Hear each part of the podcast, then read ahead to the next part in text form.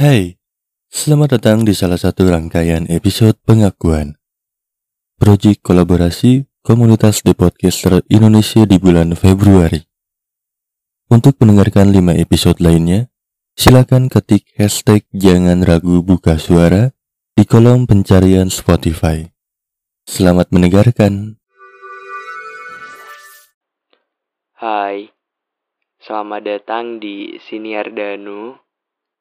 Pada episode kali ini, aku akan membacakan sebuah email yang masuk, di mana email ini sangat menarik perhatian aku untuk menyuarakannya, karena emailnya datang dari seseorang yang mungkin jauh lebih dewasa daripada aku dari seseorang yang tidak sebaya denganku. Ini pertama kali aku membacakan email dari seseorang. Oke, langsung saja kita masuk ke dalam isi emailnya.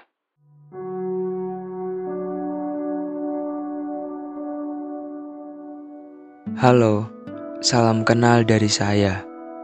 Saya mungkin sudah terlalu tua untuk bercerita dalam bentuk email ke sebuah podcast seperti kamu. Perkenalkan dulu, saya Johan dari kota Semarang. Usia saya saat ini pasti sudah jauh di atas kamu. Bahkan mungkin kamu sudah seusia dengan anak saya. Saya mau membuat pengakuan atas kesalahan saya belasan tahun lalu kepada adik tiri saya. Ini memang hal bejat yang saya yakin semua orang akan menghakimi saya setelah mendengar cerita ini. Pada saat itu, saya masih berusia 17 tahun dan adik tiri saya Zahra berusia 10 tahun. Saya melakukan tindakan pelecehan seksual kepada adik tiri saya. Alasan semuanya terjadi sudah mulai sejak sebelum bapak menikah dengan ibu tiri saya. Entah apa yang terpikirkan pada waktu itu, tetapi hati saya sudah tertutup. Tertutup akan kebencian yang tumbuh akibat bapak saya menikah lagi. Awalnya keluarga saya berjalan baik-baik saja. Tetapi setelah bapak saya mengenal ibu tiri saya, keluarga saya menjadi berantakan. Bahkan, bapak dan ibu sering bertengkar. Dari pertengkaran itu, mereka jadi sering keluar rumah untuk mengalihkan pikiran mereka. Hingga saya merasa di titik sendirian tanpa kasih sayang mereka. Waktu semakin berlalu dan keharmonisan keluarga semakin lama semakin memburuk. Hingga akhirnya bapak dan ibu memilih untuk berpisah.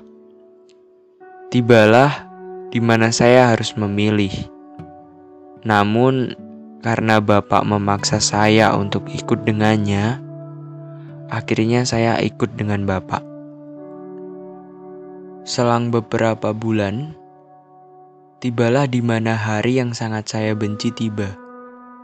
Bapak memilih menikah lagi dengan seorang perempuan yang telah merusak keluarga saya. Seorang perempuan dengan satu anak. Dari situlah pikiran buruk saya mulai muncul. Saya berpikiran untuk membuat keluarga baru saya tidak harmonis dan ingin merusaknya seperti apa yang telah ibu tiri saya lakukan kepada ibu kandung saya. Hingga saat ini saya tidak bisa bertemu lagi dengannya. Namun, saya bingung harus melakukan apa. Hingga suatu rencana terbesit di kepala saya. Saya baru ingat bahwa saya memiliki adik tiri perempuan. Di angan saya hanya terpikirkan, kenapa saya tidak menghancurkan hidupnya saja. Tidak akan saya biarkan dia tenang dan bahagia di tengah penderitaan saya akibat perceraian ibu dan bapak. Saya akan membuat dia tidak nyaman, bahkan mungkin menderita. Waktu pun tiba, di mana hari itu rumah dalam keadaan sepi. Bapak dan ibu tiri saya sedang ada urusan di luar. Rencana yang sudah saya susun pun akhirnya akan segera terlaksana. Saya melihat bahwa adik tiri saya sedang berada di kamar. Hingga akhirnya, saya mulai menutup semua pintu rumah dan menguncinya. Agar tidak ada orang yang mengetahui apa yang akan saya lakukan. Setelah semuanya terkunci, saya masuk ke kamar adik tiri saya.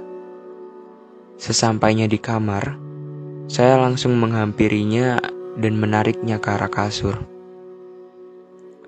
Perasaan bingung dan panik sangat tergambarkan dari raut wajahnya. Namun, saya tidak hiraukan hal itu. Setelah menariknya ke arah kasur, saya mulai melepasi pakaiannya dan tentunya pakaian saya. Rasa kasihan sudah tertutup dengan dendam pada diri saya. Hingga pada akhirnya saya mulai melakukan hal bejat kepadanya. Rasa sakit mulai adik saya rasakan ketika dia mulai ingin melawan dan menangis. Namun, saya tetap melakukan hal itu tanpa menghiraukan perasaan. Waktu berjalan cukup lama, hingga akhirnya semua berakhir. Saya lantas meninggalkannya begitu saja dan tidak peduli dengan keadaannya. Namun, sebelum saya pergi, saya sempat mengancamnya untuk tidak menceritakan kepada siapa pun, atau jika dia bercerita, saya akan menyiksanya dan membuat dia semakin menderita yang lebih daripada hari ini. Saya melakukan itu semua bukan tanpa alasan, tapi sekali lagi karena saya benci kepada ibu tiri dan adik tiri saya. Saya merasa mereka merebut bapak saya dari ibu kandung saya. Hingga akhirnya saya melakukan itu ke adik tiri saya sendiri. Bahkan, saya tidak pernah menghargai keberadaan ibu tiri saya. Sampai akhirnya saya menikah. Saya tidak tahu apa yang sebenarnya terjadi sama adik saya Zahra setelah meninggalkan rumah untuk pindah ke Jakarta melanjutkan sekolahnya. Selama ini saya selalu takut kejadian itu akan sampai ke bapak saya, terlebih istri saya sendiri saat ini.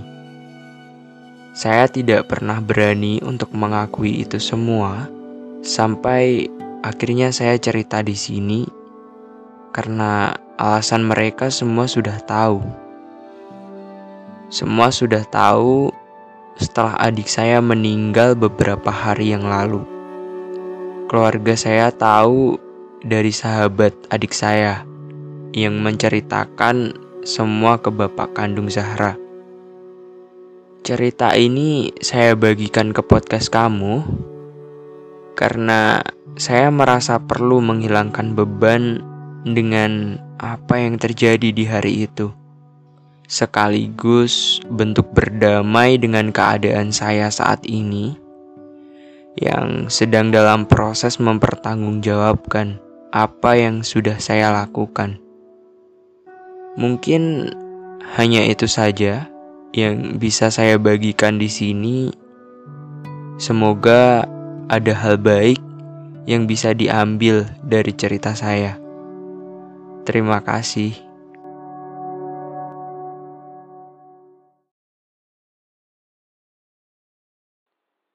Iya, itu tadi isi email dari Johan atas pengakuannya terhadap adik tirinya Zahra yang namanya udah disamarkan ya. Aku bingung harus berkomentar apa karena jujur saat pertama kali membacanya pun aku bingung harus menanggapinya seperti apa.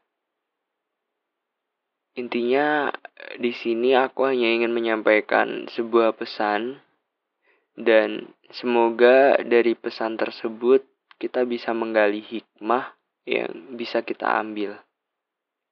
Dan pesan aku untuk kalian adalah jangan ragu untuk buka suara sebelum semuanya terlambat. Sekian episode pada kali ini dan terima kasih udah mau ngedengerin episodenya. Sampai jumpa di episode Siniar Danu berikutnya. Sekali lagi, terima kasih.